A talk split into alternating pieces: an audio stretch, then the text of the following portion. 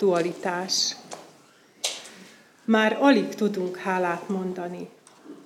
Bár ott van a szívünk mélyén valami kevés belőle, szánkon nem jön ki a szó. Vagy ha jön is, elpárolog a levegőbe, mert szánkban mindig ott van a nincs, ez kevés, ez nem elég, ó, ez semmi. Mi már elfeledtük a hálaszót kimondani. Mert nekünk mindig a sok kell, a túlzóan sok, a kapzsian sok. Mert mi már nem tudjuk, hogy mi az elég.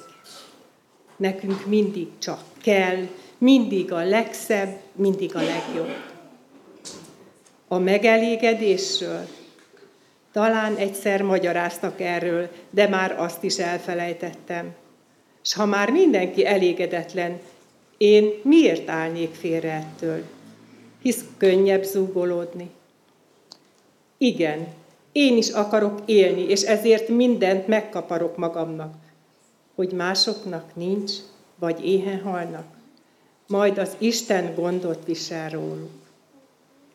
Én csak gyűjtök, kell a kincs. Mi gyűjtünk, kell a kincs. Uram, ugye lesz egyszer úgy is, hogy megköszönjük azt is, ami nincs. Mert akkor Te vagy minden. Mert akkor teljesen megértjük azt, hogy keressétek először Istennek országát. Ugye, Uram, lesz majd úgy is, mikor életünkkel a hálát adunk. Mert akkor éljük, akkor megértjük, hogy értünk adtad életed, akkor szeretni fogunk téged, és hozzád ragaszkodunk. Akkor dicsőítünk, mert akkor akár élünk, akár halunk, az Úréi vagyunk. És akkor mindenért hálát adunk. Ugye, Uram, akkor nem lesz miért zúgolódnunk. Uram, szólj! Ugye ez az idő hamar el fog jönni. Uram, ezért az időért akarok most hálát adni. Köszöntöm én is a gyülekezetet szeretettel, és még mielőtt elkezdeném a, a bizonyságtételemet, egy ahhoz kapcsolódó rövid verset szeretnék felolvasni. Igazából végtelenül egyszerű a szöveg, és rövid, de úgy gondolom, hogy minden benne van. Hála neked, Uram Jézus, mindenért, amit megadtál, mindenért, amit elvettél, mindenért, amit megbocsátottál, mindenért, amit megakadályoztál, mindenért, amit megengedtél, mindenért, amit megelőztél, mindenért, amit ajándékulattál, a miattam, helyettem, érettem hordozott keresztedért és a hajlékért, amit a mennyben nekem elkészítettél. El nem múló örök hála neked, Uram Jézus, hogy engem is szeretetedbe fogadtál. Ebben az évben úgy különösen megtapasztaltam azt, hogy mennyire szeret az Isten, és amiről úgy gondolom, hogy elég keveset beszélünk így hálaadó napkor, hogy azért is adjunk hálát, amit megengedett az Úr, és nem biztos, hogy túl pozitívan éltük meg abban a pillanatban, amikor ez megtörtént. Nálam is volt rengeteg ilyen pillanat ebben az évben. Nekem például most volt szakirányválasztásom, és mikor leadtam az egyik alkalmassági vizsgára a, az úgymond kérelmemet, rájöttem, hogy nem valószínű, hogy én ezt szeretném csinálni, és én végig aggódtam, hogy én most ezt nem biztos, hogy szeretném elvállalni, hogyha végül mégis sikerül, és már úgy imádkoztam, hogy én most úgy érzem, hogy nekem nem ez a helyem, de akkor engedd meg, hogy megpróbáljam, és hogyha te úgy gondolod, hogy nekem itt kell lennem, és ez a feladatom, akkor, akkor engedd meg, hogy ez sikerüljön. És úgy érzem, hogy Isten látta azt, hogy nekem tényleg nem ez, nem ez lesz az út, és megengedte, hogy átéljem azt, hogy nekem ez most nem sikerül, amit egy picit kudarcnak éltem meg akkor, viszont tudom, hogy ezt azért engedtem meg, mert nem véletlenül éreztem azt, hogy nem, nekem ez nem, nem ez lesz az út. De mégis megengedte azt, hogy én ezt megpróbáljam, és ebben úgymond elbukjak. És még nagyon-nagyon sok ilyen pillanat volt ebben az évben számomra, különösen ugye a, a uniós a kapcsolatok éve van, az emberi kapcsolataimban, és megengedte azt, hogy eltávolodjak emberektől, megengedte azt, hogy elveszítsek barátokat, ismerősöket így az életemben, akik nagyon közel álltak hozzám, viszont százszorosan ezt megpótolta nekem az Úr, és megerősítette rengeteg olyan kapcsolatomat is, amire nem gondoltam volna, és ezért végtelenül hálás vagyok. Különösen érdekes történet, hogy van egy pénteki órám, délután, kettő időpontra lehetett volna bekerülni, ami egy órától kezdődik, és ami délután három órától kezdődik. És 43 férőhely volt a, a rangsoros tárgyfelvételen, és 44 lettem az első időpontra, úgyhogy délután háromra jutottam be, amiért egy kicsit puffogtam, mérges voltam, már, már sírtam, ideges voltam, és nem értettem, hogy miért, mert, mert teljesen rendben volt az átlagom, és most nem értettem, hogy 4,9-el, hogy csúsztam le a 44. helyre. De most már teljesen értem, hogy miért alakult így, mivel a másik későbbi csoportba kerülve olyan barátságokat alakítottam ki, amiről nem gondoltam volna, hogy ennyire szorosak lesznek. Főleg így az egymásra utaltság, hogy akkor most te is ezzel a vonattal jössz, és akkor ezekből lettek a, szinte a legjobb beszélgetéseim a fél év alatt. Nem gondoltam volna, hogy pont ö, olyan emberekkel leszek ennyire közeli kapcsolatban, akikkel nagyon kevesebb beszéltem, és úgy gondolom, hogy ezért engedte meg az Úr egy kicsit azt, hogy inkább gyere haza egy két órával később, de akkor most beszélges ezekkel az emberekkel. Kerülj egy csoportmunkába ezekkel az emberekkel, és megmutatom neked, hogy vannak még itt a maradék 74 emberből olyan emberek, akikkel te még nem beszélgettél eleget. És kiderült, hogy vannak többen, akik szintén keresztények, akikkel tényleg szoros barátságot tudtam kötni, és őszintén tudok beszélgetni a, a hitbéli dolgaimról is, hogy ezeket hogy élem meg. És most ezekért én végtelenül hálás vagyok. Még annak ellenére is, hogy akkor nem éppen pozitívan éltem meg ezeket a szituációkat, hanem inkább nehézségnek. Most mégis azt mondom, hogy nagyon köszönöm az Úrnak azt, hogy mégis inkább a nehezebb úton, de ö, megtapasztaltam a, a dolgokat, amiket, amiket meg kellett, hogy tapasztaljak, és megismertem azokat az embereket, akiket meg kellett ismerjek közelebbről.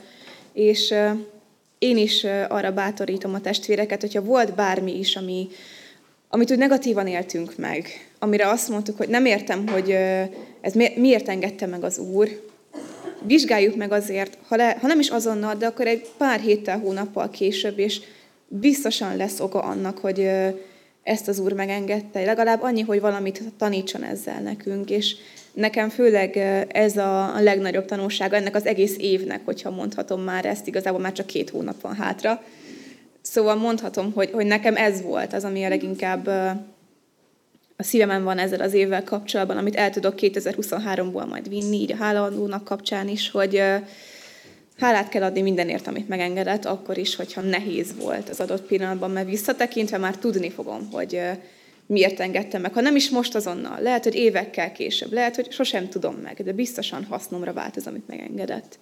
Köszönöm szépen. reggel ébredés.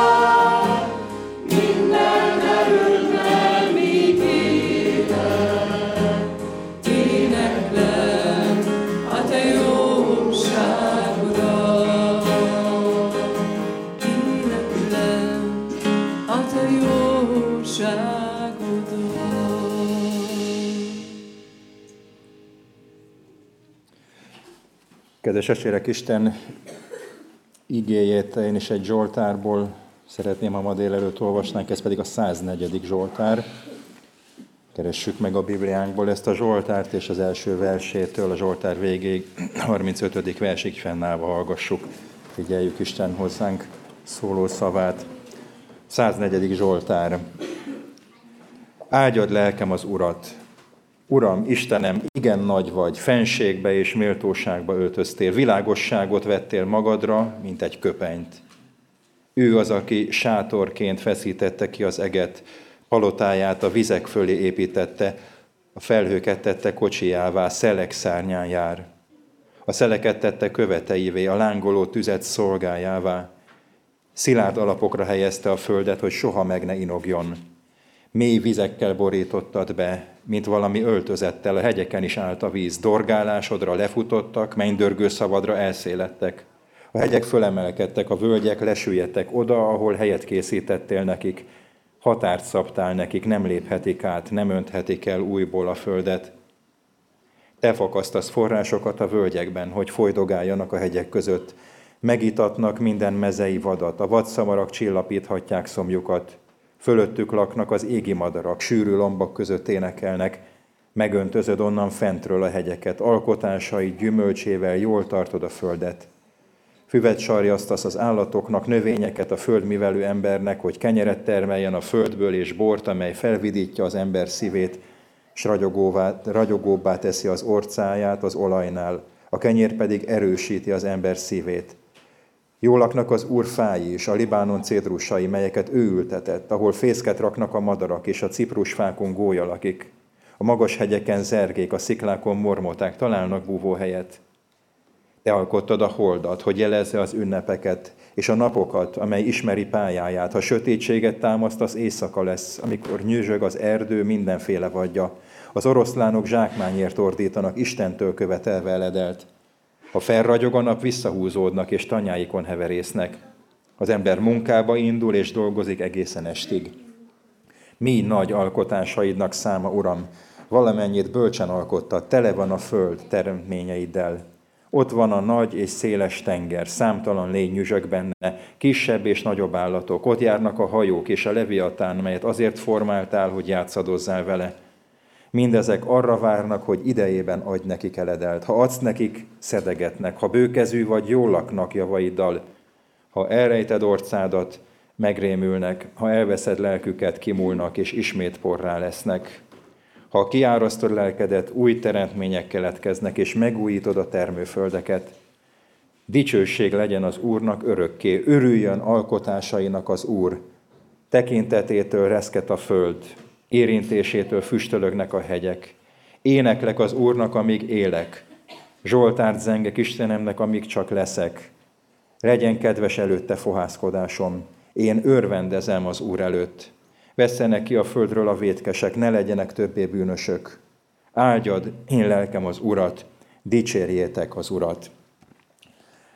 Szent Atyán, köszönjük neked azt, hogy te vagy a most olvasott igéknek, vagy a teljes írásnak a forrása, ihletője, a te szent lelked által adatott a tieidnek valamennyikor általad élő és benned élő emberének, és köszönjük, hogy kérhetjük, hogy ezek az igék most bennünk is visszhangra találjanak, és egyedül úgy lehet ez, hogyha ránk is kiárasztod a te lelkedet, az a lélek, aki által ihletett igéket olvasunk, bennünk is cselekedjék, minket is szólítson, minket is formáljon, értőivé és befogadóivá tegyen, Urunk, a Te szabadnak, a veled való, az egymással való közösségben.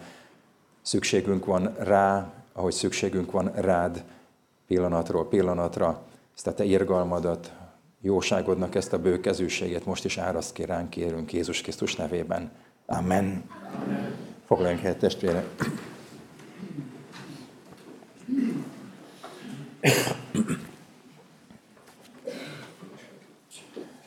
Hadd kezdjem testvérek a, a legnehezebbel. Mi van akkor, hogyha nem szikrázó napsütésben, októberi nyárban, langyos melegben a természetnek a szűnni nem akaró kirobbanó erejét tapasztalva olvasom, hallom ezt a zsoltát, vagy ez ehhez hasonló zsoltárokat. Mi van akkor, és több biztonságtételben úgy visszahangzott, mi van akkor, hogyha a gondolataimra rátelepszik a bánat, a, a szomorúság, netán az aggódás. Mondjuk azért, mert jobbnak hívnak. És a negyedik hírnök is átadta már az üzenetét, hogy mindenem elveszett. Vagy ha Máriának és Mártának hívnak, és van egy testvérünk, Lázár, aki halálosan beteg, akit az Úr szeret, de beteg. Vagy Charles Haddon Spurgeonnek hívnak, és ismét rám tört az elemi erejű csüggedés. Ezt nem szokták mondani Spurgeon-től, 24 éves korában fogta el először, azt írja a naplójában, lelkem olyan mélyre süllyedt, hogy órákon át csak sírtam, mint egy gyermek, és azt sem tudtam, hogy miért. És élete végéig küzdött ezzel, amit ma depressziónak neveznek, lehangoltságnak. Mi van, ha ilyenkor hallom ezeket az igéket? Mi van, ha ilyenkor van a naptárba beírva az, hogy a hálaadás napja? A Jobbnak hívnak, a Máriának, Mártának, a Charles Haddon Spurgeonnek, mi van akkor? Vannak hívők, akik azt mondják, hogy rúgjunk egyet, és mondjuk azt, hogy ez nem igazság. Vagy hogy ez nem igaz. Tagadjuk le. És akkor Marxnak lesz igaza, hogy a vallás a nép ópiuma. Kell két óra, három óra, egy héten, hogy elvonuljunk, belőjük magunkat ópiummal, hogy addig elfelejtsük azt a fájdalmat, ami előtte bennünk volt, vagy utána bennünk lesz újra. Szerintem nem a valláskritikusoknak van igaza, hanem az Isten igényének, mert ez a Zsoltára figyeltünk rá, nem állítja azt, hogy ilyen nincs. Hogy nem lehet, hogy valaki jobb néven látja meg a világot, vagy Máriaként, Mártaként, vagy Charles Haddon Spurgeonként, mert a 29. versben azt mondja, azt olvastuk, hogy ha elrejted orcádat, van ilyen? Mondjuk ki, van. Ha elrejted orcádat, megrémülnek, ha elveszed lelküket, kimúlnak. Vagy azt mondja a végén, hogy Uram, annyi vétkes, és annyi vétek van, annyi bűn, ami körbevesz minket, engem, miközben azt mondom, áldjad én lelkem az Urat, mert rögtön utána ez a mondat jön. Azt mondja a Zsoltár, hogy igen, van elmúlás, van istentelenség, van Isten ellenesség, ami azt mond, tanítja nekünk a történelem, hogy ha Isten ellenesség van egy társadalomban, abból nagyon hamar embertelenség is lesz. Ezt ma élőben látjuk megvalósulni. Először az Istent kell hajítani, de utána az istentelen világban az ember embertelenné is válik. Először istentelenné, aztán majd embertelenné. Tud ezekről ez a Zsoltár, hogy Isten igéje is nem tagadja le, hogy ilyenek vannak, de most nem ezt emeli ki. Nem ezt hangsúlyozza, nem azt mondja, hogy ez nem, nem, nincs ilyen, de azt mondja, van más is. Az Isten kijelentett igéje óriási kincses ház.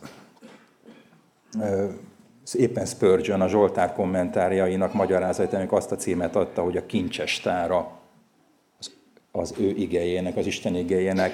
És Isten kincses tárának az az egyik óriási csodája, hogy az Isten igéje nem egyoldalú, nem hazudja le a valóságot, sőt, tanítja azt, amit én így foglalnék össze, bár nem én így foglaltam, nem én foglaltam először így össze, tanítja azt a nagy bibliai igazságot, amit ha megtanul az ember, akkor egészen másként éli le azt a 70-80 vagy ki tudja mennyi évet, amit az Úristen ad neki.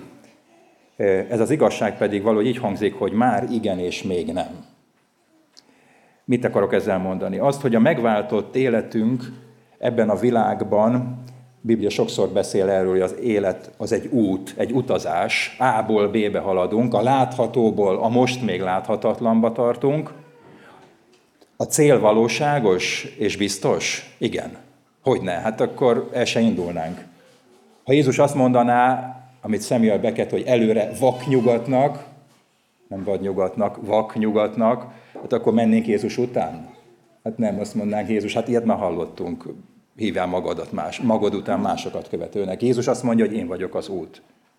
Ahogy a cél ahogy a cél valóságos és biztos, úgy az úton is biztos, és hogy a cél valóságos és biztos, hogy a most még láthatatlan világ felé tartunk, akkor az meghatározza már az útonjárásunkat is, hogy hogyan élünk ezen az úton, ebben a világban.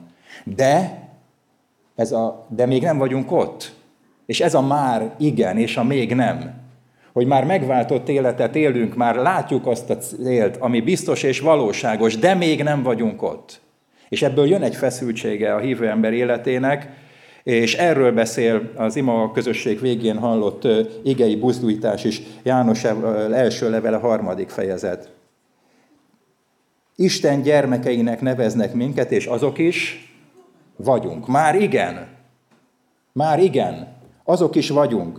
Azért nem ismer minket a világ, mert nem ismerte meg őt. Szeretteim, most Isten gyermekei vagyunk, de még nem, még nem lett nyilvánvalóvá, hogy mivé leszünk. Tudjuk, hogy amikor ez nyilvánvalóvá lesz, hasonlóvá leszünk hozzá, mert olyannak fogjuk őt látni, amilyen ő valójában. Már igen, és még nem. Vagy nem erről beszéle Pálapostól a nagyszerű római levél még nagyszerűbb nyolcadik fejezetében, amikor azt mondja, nincs most már semmi károsztató ítélet azok ellen, akik Krisztus Jézusban vannak. Már igen.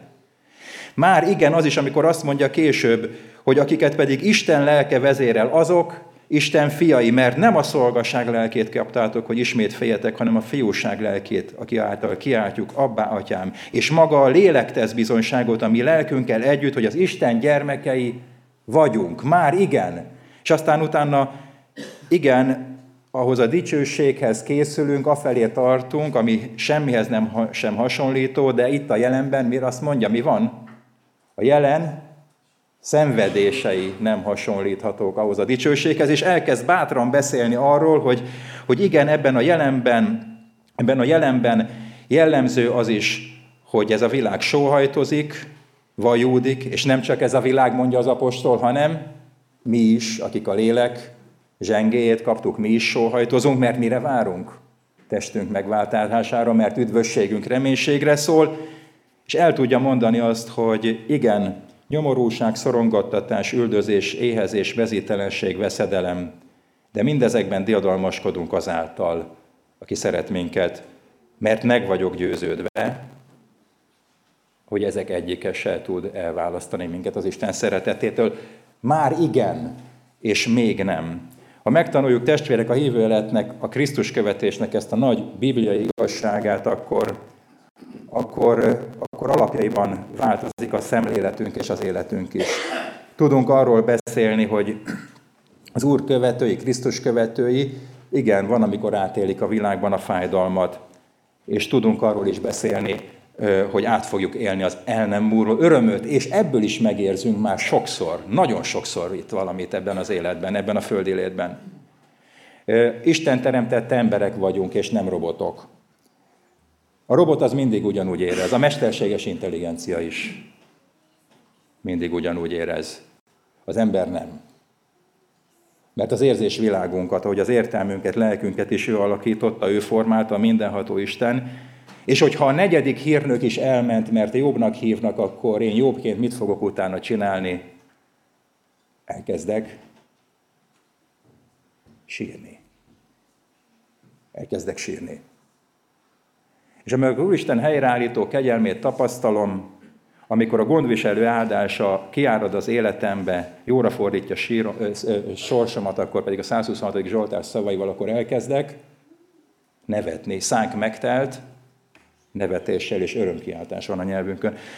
Június 21-én, majdnem négy hónappal ezelőtt édesapám fölhívott a Gödöllőn éppen bibliaóra volt, azt fejeztem be, és mondta, hogy édesanyám összeesett és meghalt. És tudtuk, hogy ez a nap el fog jönni, mert beteg volt, ő gondozta már jobbára az utolsó hónapokban. De mégis, amikor ezt a hírt, amit sejtettünk, nyilván nem vártunk, de sejtettünk, mondta, akkor összeszedtük magunkat, a családot, négy gyereket átmentünk, és amíg ott már éjszakában nyúlóan vártuk, hogy kijöjjön az ügyeletes orvos, fölvegye a szükséges dolgokat, akkor imádkozni kezdtünk, és az imádságban volt könny is. Az a, az apostoli mondat a 2 Korintus 6-ból, hogy mint szomorkodók, de mindig örvendezők. És valahogy ezt hordozza a hívő ember, a Jézus Krisztusban életet nyert, bűnbocsánatot nyert embert, hogy van, amikor elszomorodik a szívünk, mert valakit, akihez hozzánőtt az életünk, az Úristen magához hívott, és öröm is van bennünk, mert magához hívta. És magához vette, és ki tudja, mi elől vitte még el, amit engedett meg nem érni, és ez a kegyelem. Már igen, és még nem. És ez az igazság testvérek válasz arra is, hogy ha fájdalom, testi vagy lelki fájdalom hatalmasodott el rajtunk, akkor, akkor csak a könnyek maradnak? Nem. Nem, mert az ember élet mélységei Isten miatt és egyedül miatta lehetnek áldások forrásaivá is. És ez egy nagyon fontos üzenet az igének, hogy az ember élet mélységei Isten miatt, a kegyelmes Isten miatt eh, lehetnek áldásforrások is. Volt az elmúlt században egy híres bécsi idegorvos, Viktor Franknak hívták, egy zsidó család Istenben nem hívő tagjaként nőtt föl. Szülei még azok voltak, ő már nem. Bekövetkezett az Anschluss. Németországhoz csatolták Ausztriát, Hitler bevonult Németországba. Vagonírozták a bécsi zsidókat, a nácik, és egyszer csak Viktor Frank is a vonaton találta magát. És ment vele a vonat egy koncentrációs tábor felé. Teltek, múltak a hónapok, és meghalt mellette egy öreg, kaftános, fekete kaftános zsidó, aki nem csak Ábrahám fia volt leszármazás szerint, hanem hitében is. Meghalt mellette ez az öreg kaftános zsidó, és megörökölte ennek az öreg zsidónak a kabátját.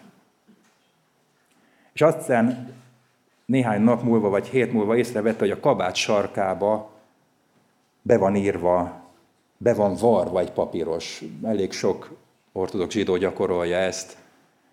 Kibontotta a varrást, kivette belőle a papírost, és ezt olvasta. Halt meg Izrael, az Úr, ami Istenünk, egyedül az Úr, szeresd az Urat, a te Istenedet teljes szívedből, teljes lelkedből, teljes erődből, maradjanak a szívedben azok az égék, amiket parancsolok neked. És Viktor Frank olvasta ezeket, és ott a koncentrációs táborban életre kelt. Hogy van Isten, él az Isten, és nekem is életet akar adni. És az atyák Istene engem is meg fog tartani. És kikerült a táborból, túlélte, és előadást akar tartani, a logoterápia atya egyébként Viktor Frank, logos, az ige, arról, hogy az Isten igényének van hatalma, az ő beszédének. És a, onnan kezdtük, hogy a koncentrációs táborban megörökölt kabátba varrott bibliavers.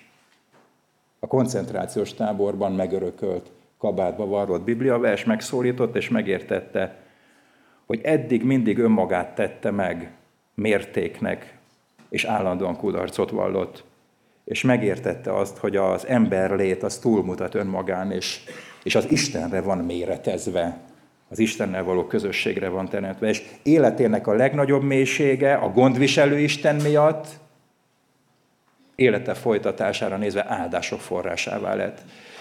Isten gyermekeinek a fájdalmak, nyomorúság idején is van gondviselőrök. Most már sokszor hangzott el ez a mondat, hogy Isten üdvözítő kegyelme mellett ott van a megtartó a hordozó kegyelem is. Hogy van gondviselő úrunk. És lehetséges, hogy veszteségek földre sújtanak, mint jobbot, de elhangzik a mondat, hogy az Úr adta, az Úr vette el, áldassék az ő neve. Most Spurgeon is, amikor, hiszen 24 évesen, amikor ezt magában észlelte, már hívő ember volt, már igehirdető volt.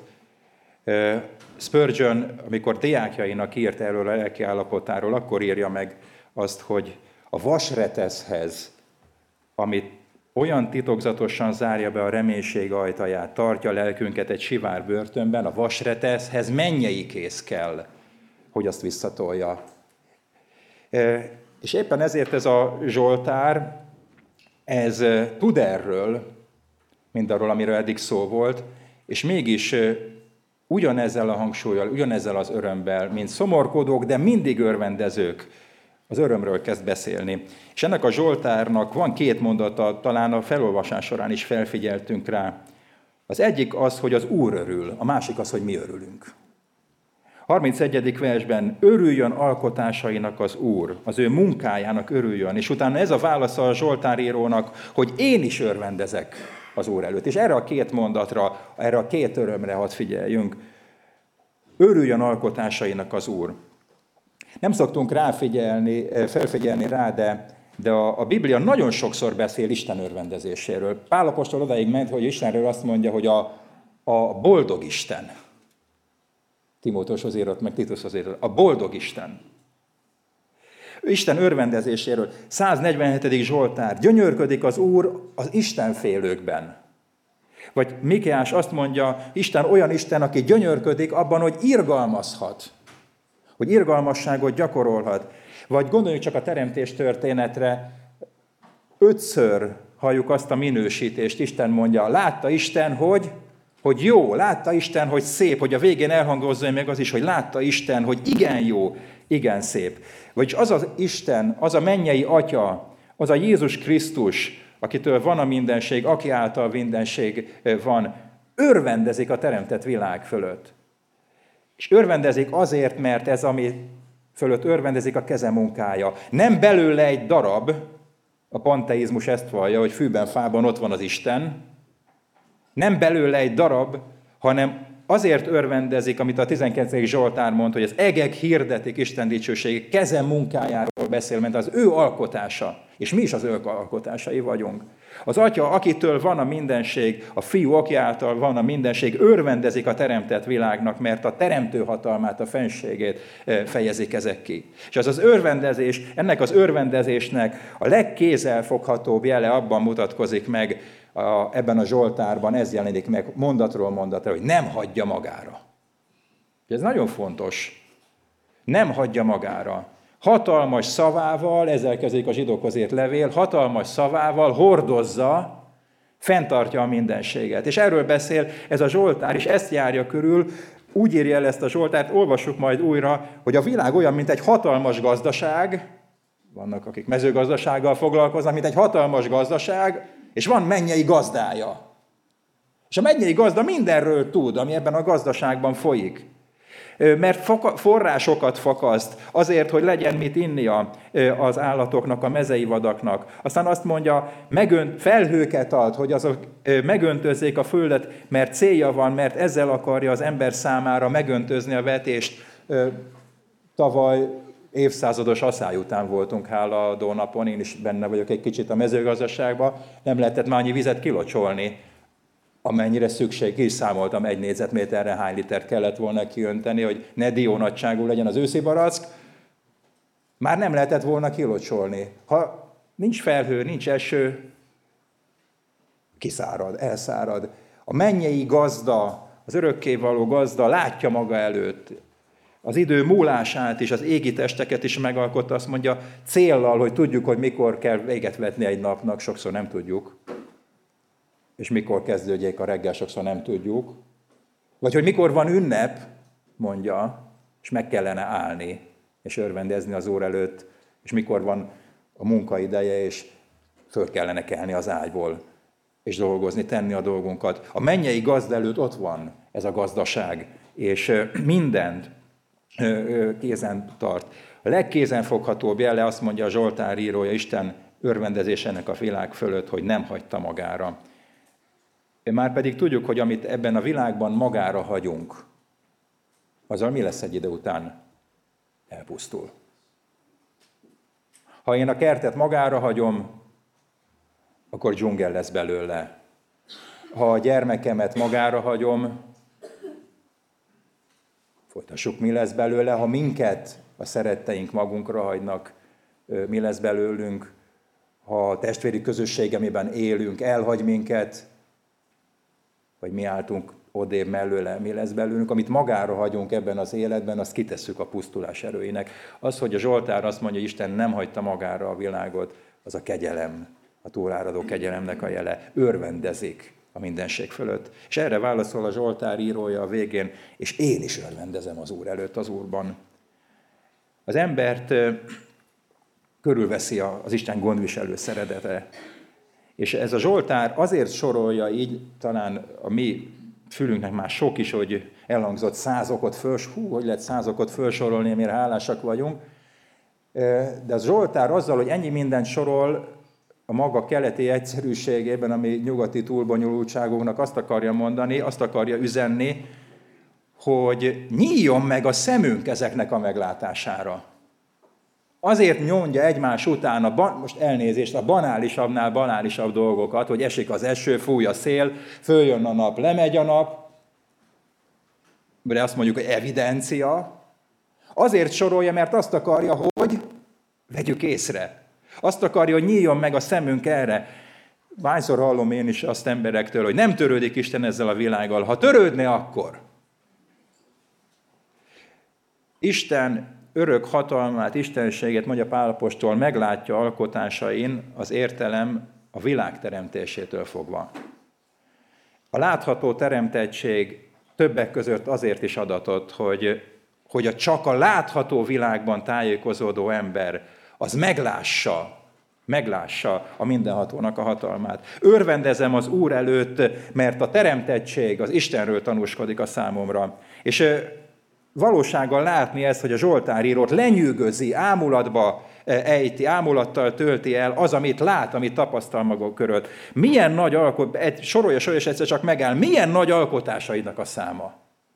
Valamennyit bölcsen alkotta, tele van a föld ezzel. Milyen csodálatos tapasztalat, amikor az ember nem veszi természetesnek, nem tartja magától értetődőnek, azt, hogy az Isten nem hagyta magára ezt a világot. Milyen nagyszerű dolog, amikor nem úgy telik el egyik nap a másik után, hogy minden magától értetődő. Minden természetes.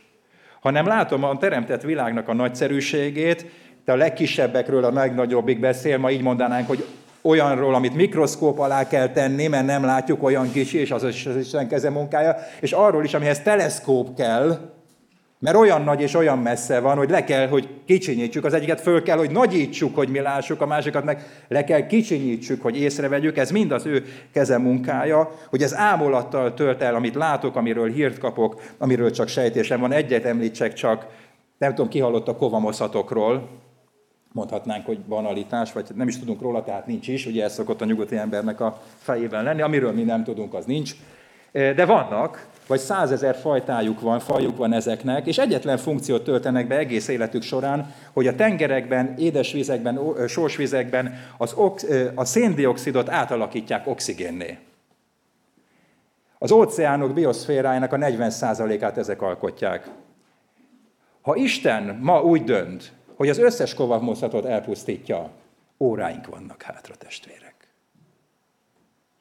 Ha nem lesznek ezek, amik a széndiokszidot oxigénné alakítják a tengerekben, ez olyan folyamatot, egy olyan spirált indít el, amivel az emberiség nagyon hamar tudhatja, hogy elkezdődött a végső visszaszámlálás. És ezek csak a kovamoszatok, amik azt mondjuk, hogy semmik, érdektelenek. De a mennyei gazda hozta létre. Ez a Zsoltár valahogy testvérek bennünk, nyugati emberekben az egyszerű rácsodálkozást akarja felszítani, hogy essünk ám. Mikor volt utoljára, hogy ámulatba estünk valamitől? Várrándítás helyett. A közöny világában élünk, nem?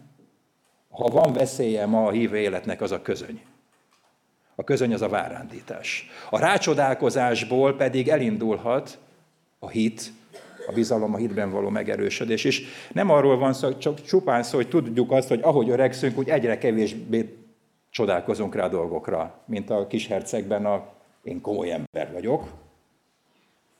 Ahogy öregszünk, egyre kevésbé csodálkozunk rá dolgokra. Chesterton írja azt, hogy egy 7 éves gyermek izgalomba jön, hogyha azt hallja, amikor édesanyja mondja neki, Tomi kinyitott egy ajtót, és egy sárkány állt előtte tudjuk a reakcióit egy 7 éves gyermeknek erre, de azt mondja, hogy három éves gyereknek elég azt mondani, és Tomi kinyitott egy ajtót. És már attól csodálkozni fog. Nekünk meg horror történet kell folytatásképpen, 50-es évek felé haladva, hogy elcsodálkozzunk, hogy ámulatba jöjjünk. De nem egyszerűen erről van itt csak ebben a Zsoltárban szó, hanem arról, hogy egy jó ideje a jóléti társadalomban élő ember szinte mindent közönnyel fogad. Azért kellenek mindenben ma az extremitások, mert az Isten egyszerű teremtett világa, és az, hogy nem, hozta, nem hagyta magára, az már nem hoz lázba minket. Ezt a Zsoltár írót ez is lázba hozta. És ezért írta le ezt az imádságot. A jóléti társadalomban élő ember elkezd mindent magától értetődőnek tenni, venni. Miért?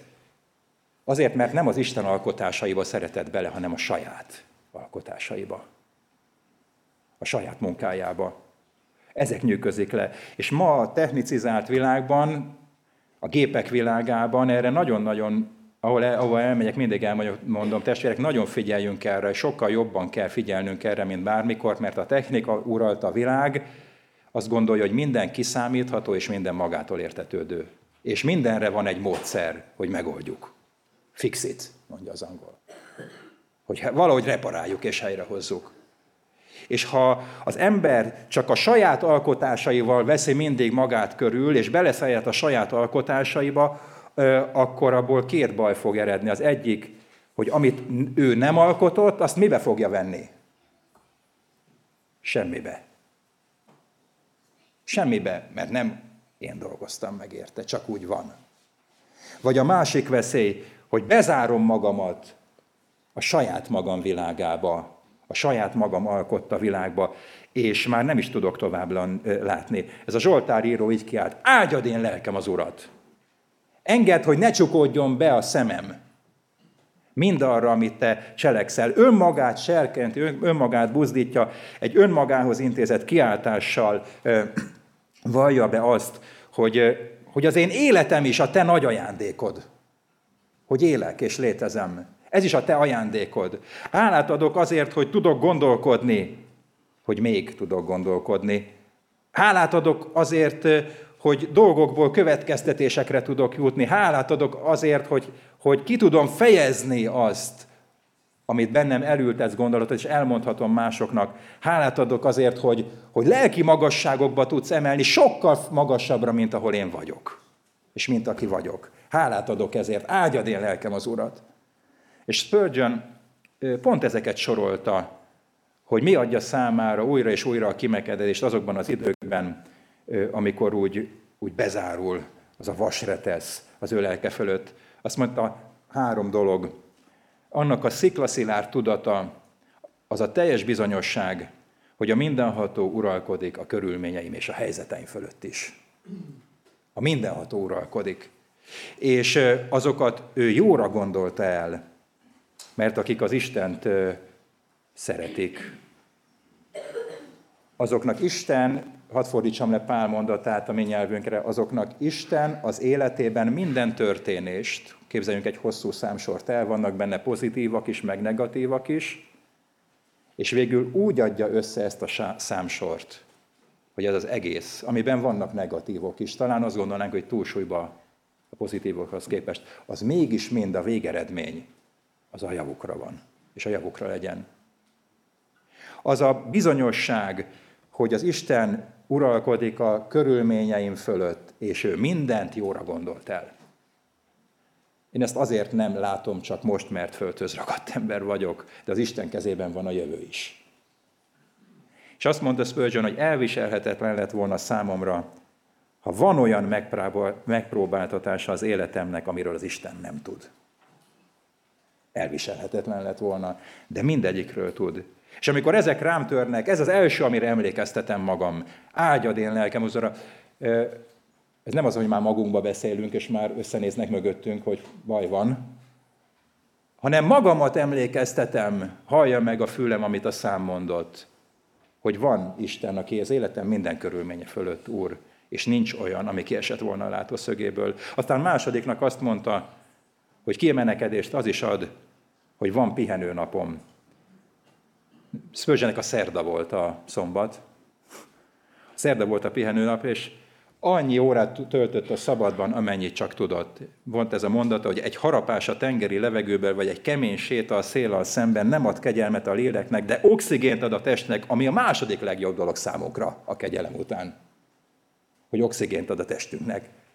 És nevetünk testvérek rajta, de megint a technika uralta a világból. Ki kell olykor lépni az Isten teremtett világába, és ha nem vagyok egy nagy túrázó, akkor sétáljak a várfürdőparkjában, vagy nem tudom, hova kell itt a környéken elmenni ahhoz, vagy menjek ki a kertbe, és nézem, hogy nő a fű, hogy a teremtett világ, de hogy nekünk kapcsolatban kell ezzel lenni, mert földből vétettünk, ehhez a világhoz tartozunk. Látnunk kell, hogy az Isten ebben hogyan munkálkodik, és le kell erre az időt választani, hogy a testünknek is legyen nyugalma az ő teremtett világában.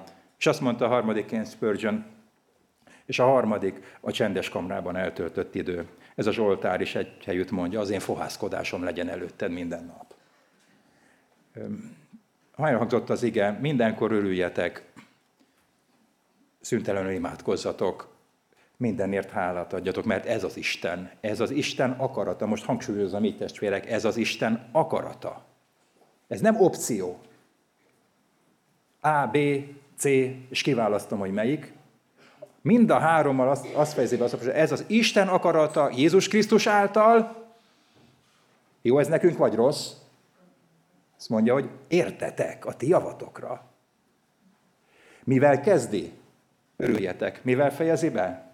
Hálát adjatok. Öröm és hálaadás. Mi van a kettő között? Az imádkozó élet. Ezt mondja Spurgeon, az imádkozó élet. A szüntelőn imádkozzatok. És ez, amire hív bennünket is. Rácsodálkozni Isten világára. Ha inognék is, a, tudjam azt, hogy a szívem kősziklája, te maradsz, ó Isten, örökké.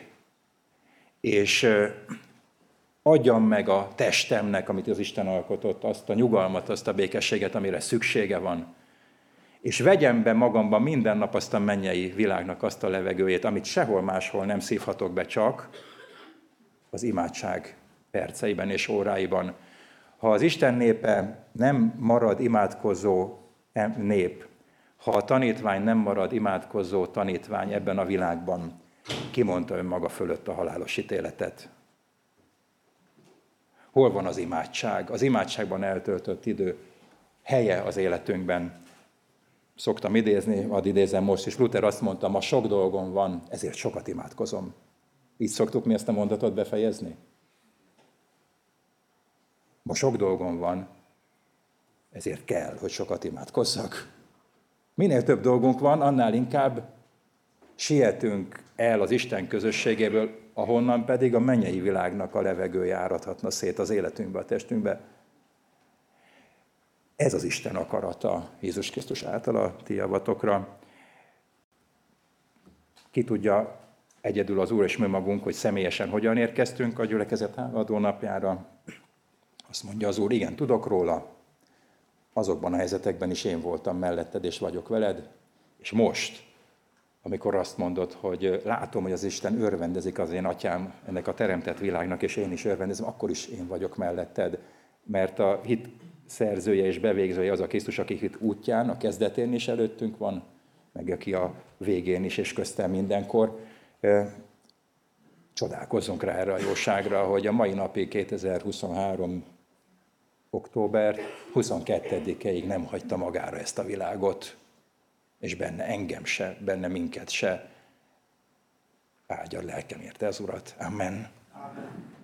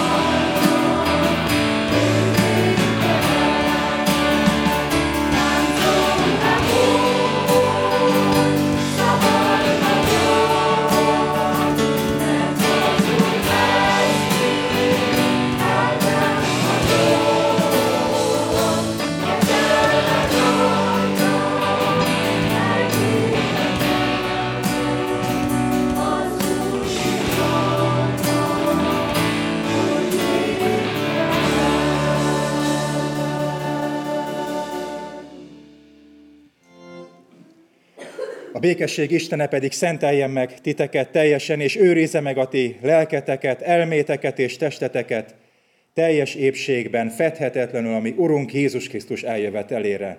Hű az, aki elhív erre titeket, és ő meg is cselekszi azt. Amen. Az Úr közel, jövel, Uram Jézus!